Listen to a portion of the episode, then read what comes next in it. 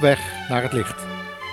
Welkom luisteraar in het familieprogramma van de Stichting Adulam, waarin we u weer meenemen naar Zuid-Afrika, waar iets 25 jaar een opwekking onder de Zulus aan de gang is. Vele levens zijn radicaal veranderd en vele duizenden mensen hebben nieuwe hoop gekregen. Iets waar we allemaal behoefte aan hebben, nietwaar? En wat de Heer Jezus ook aan ons wil geven.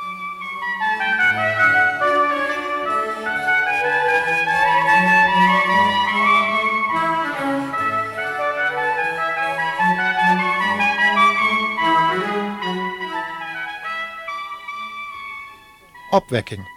Dominee Erlo Stegen weet er alles van. Daarom laten we ook in dit programma hem weer aan het woord. Maar laten we eerst eens kijken welke tekst uit de Bijbel hij nu eigenlijk zo heeft aangesproken aan het begin van de opwekking. Een tekst die hij in het eerste hoofdstuk van zijn boekje Opwekking onder de Zulus, en wat bij onze stichting is te bestellen, citeert. Laten we eens met hem meelezen uit 2 Timotheus 3, vers 1 tot 5 waar Paulus het volgende aan Timotheus schrijft. Dit keer lezen we het uit de Statenvertaling. En weet dit, dat in de laatste dagen ontstaan zullen zware tijden. Want de mensen zullen zijn liefhebbers van zichzelf, geldgierig, laatdunkend, hoogvaardig, lasteraars, de ouderen ongehoorzaam, ondankbaar, onheilig, zonder natuurlijke liefde, onverzoenlijk, achterklappers, onmatig, wreed, zonder liefde tot de goeden, verraders, roekeloos, opgeblazen, meer liefhebbers van de wellust dan liefhebbers van God. Ze hebben een gedaante van godsvrucht, maar ze hebben de kracht ervan verlogend. Heb een afkeer van deze. Dat we inderdaad lijken aangekomen te zijn in de hier beschreven tijd, kunnen we lezen in het boek van Dr. Van Dam, die verschillende New Age-aanhangers citeert en in een van zijn hoofdstukken ook een zekere David Spangler aan het woord laat. Laten we eens naar hem luisteren. Hij zegt: Wie niet meedoet, zal uit zijn lichamelijke incarnatie naar een andere dimensie worden gestuurd. En wat deze schrijver hiermee bedoelt is duidelijk. Christenen die weigeren de leer van de New Age te accepteren en zich niet willen laten transformeren, zoals ze dat noemen, zullen uit de weg worden geruimd. Ze staan de nieuwe tijdbeweging in de weg. John R. Price zegt het nog duidelijker met de volgende woorden. Het enige dat een positieve wending in de weg staat, zijn de christenen, die hun één niet willen opgeven. Zij werken niet samen met God en kunnen de evolutie naar een hemel op aarde blokkeren. Maar onze geesten, Price is immers spiritist, zeggen dat het op het moment van de grote transformatie elke oppositie zal worden uitgeschakeld. Mensen die niet meedoen, zullen van de aarde worden verwijderd.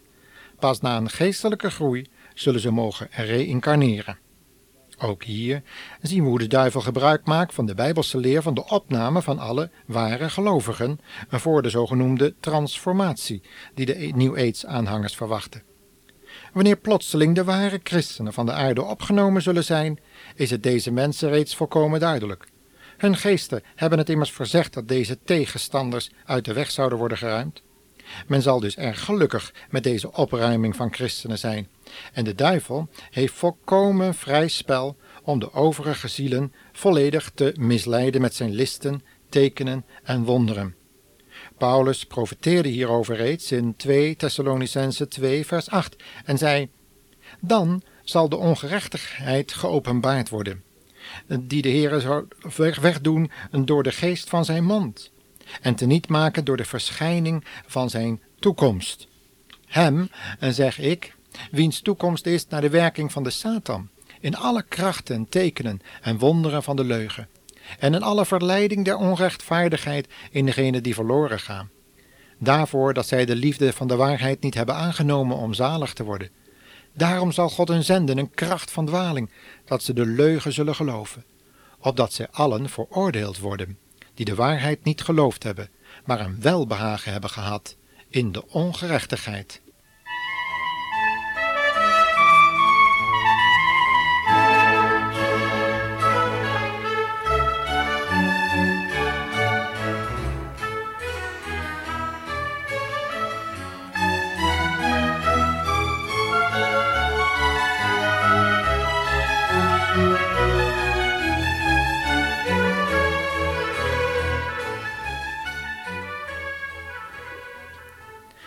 Wanneer we dan van een zekere Barbara Marx Hubbard nog lezen, mensen die weigeren om het godcentrische universele leven in te gaan, moeten zich veranderen of sterven, dat is hun eigen vrije beslissing.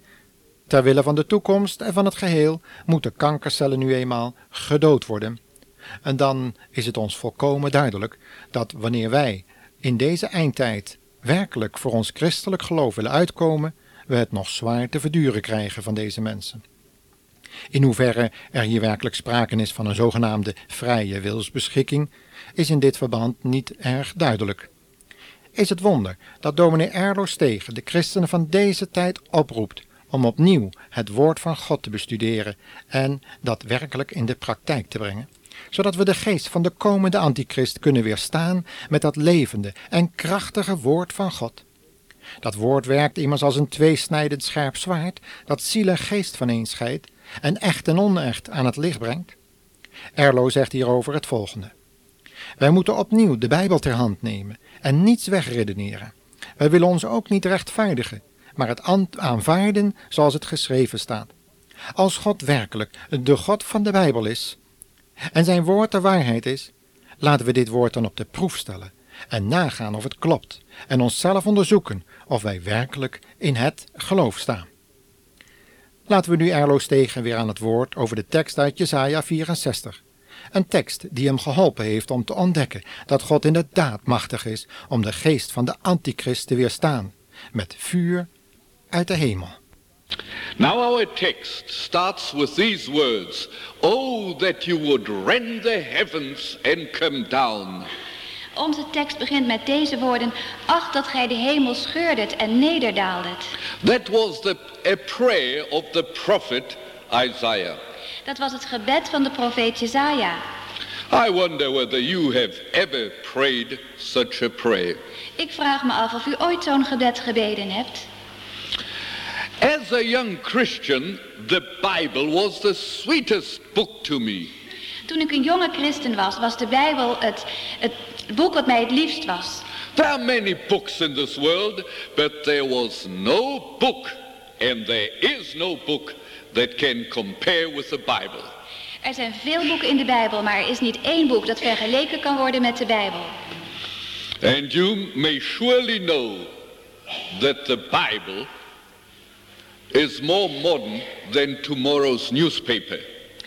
En u zult zeker weten dat de Bijbel moderner is dan de, de krant van vandaag. And if there has ever been a time in man's history where we need the Bible, then it's today. En als er ooit een tijd in de geschiedenis is geweest waarin we de Bijbel nodig hadden, dan is het wel te, de, de tegenwoordige tijd. The Bible is not out of date. De Bijbel is niet verouderd. Things go wrong in our life. Er gaan dingen verkeerd in ons leven. In the church's life. In het uh, kerkelijk leven. In nation's life. In het uh, nationale leven. Because we don't heed the word of God. Omdat we geen aandacht geven aan het woord van God. And we can may have as much bread as we like. We won't live by that alone. We need every word that proceeds out of God's mouth. En hoeveel brood we ook hebben, daar kunnen we niet van leven. We hebben het woord nodig van God, dat van, uit Gods mond uitgaat. I mentioned just now that as a young Christian, the Bible turned into the sweetest book for me. Ik vertelde u zojuist dat toen ik een jonge christen was, dat de Bijbel het liefste boek voor mij was. The promises in the Bible were so fantastic and marvelous. De beloften in de Bijbel waren zo fantastisch, zo geweldig. I'll just tell you three. Ik wil u er drie van noemen. John 15:7 If you abide in me and my words abide in you, you will ask whatever you like and you'll receive it. Johannes 15 vers 7 Indien gij in mij blijft en mijn woorden in u blijven, vraagt wat gij maar wilt en het zal u geschieden. John 16, 23, 24. Up till now, you haven't asked the Father anything in my name. Johannes 16, vers uh, 24. Uh, gij hebt tot nu toe hebt gij de Vader niet om iets gevraagd in mijn naam. Ask and you will receive. Vraag en gij zult ontvangen, so that your joy may be full. zodat uw vreugde volkomen zal zijn. As a young man, those promises just filled and thrilled my heart. En toen ik een jonge man was, ehm, verheugden deze beloften en mijn hart. I said, if such a thing is possible, that you can pray and you receive it, that's worth more than all the silver and gold of this world put together. Ik dacht, als dit zo is, eh, dan is dat meer waard dan alle rijkdommen van deze wereld. And I said, if it would be for only that one single promise, it would be a greater wealth than anything else in this world. En al was er maar één van deze beloften waar, dan zou het, het meer waard zijn dan de grootste rijkdommen van deze wereld. But that wasn't the only, and not the two only promises. The whole Bible is full of them. Maar dat was niet de enige belofte, de Bijbel staat vol met beloften. But I'd like to mention one more. Maar ik wil er nog één eh, vermelden. In John 14:12, Jesus says, Verily, verily, I say unto you. In Johannes 14, vers 12 zegt Jezus, waarlijk, waarlijk, ik zeg u, He that believes in me, the works I do, he will do also. Wie in mij gelooft, de werken die ik doe, zal hij ook doen. And greater works than these, because I go to the Father. En grotere nog dan deze, omdat ik naar de Vader ga. Not greater because he is greater, no, but because he is going to the Father. Niet groter omdat hij groter is, maar omdat hij naar de Vader teruggaat. And I'd take my Bible and I'd read through Matthew, Mark, Luke, John. What did Jesus do? What did Jesus say? And I said, Lord, but I believe in you. That means the things you did, I'll be able to do. Not because I'm Elostegen, but because you have gone to the Father. En ik las door de evangelie wat Jezus zei en wat hij deed. En dan dacht ik, eh, die dingen moet ik ook kunnen doen. Niet omdat, eh, omdat ik zo groot ben, maar omdat u naar de Vader bent gegaan.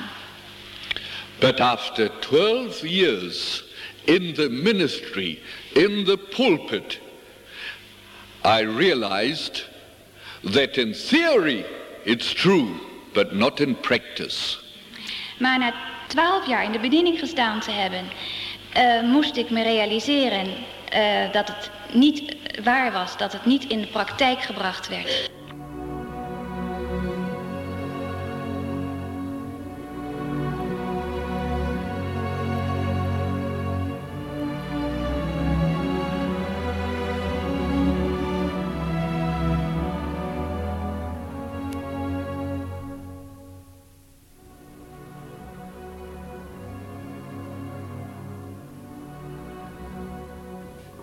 Hoe dominee Erlo Stegen uit deze verschrikkelijke impasse is gekomen, willen we u graag in onze volgende uitzending laten horen.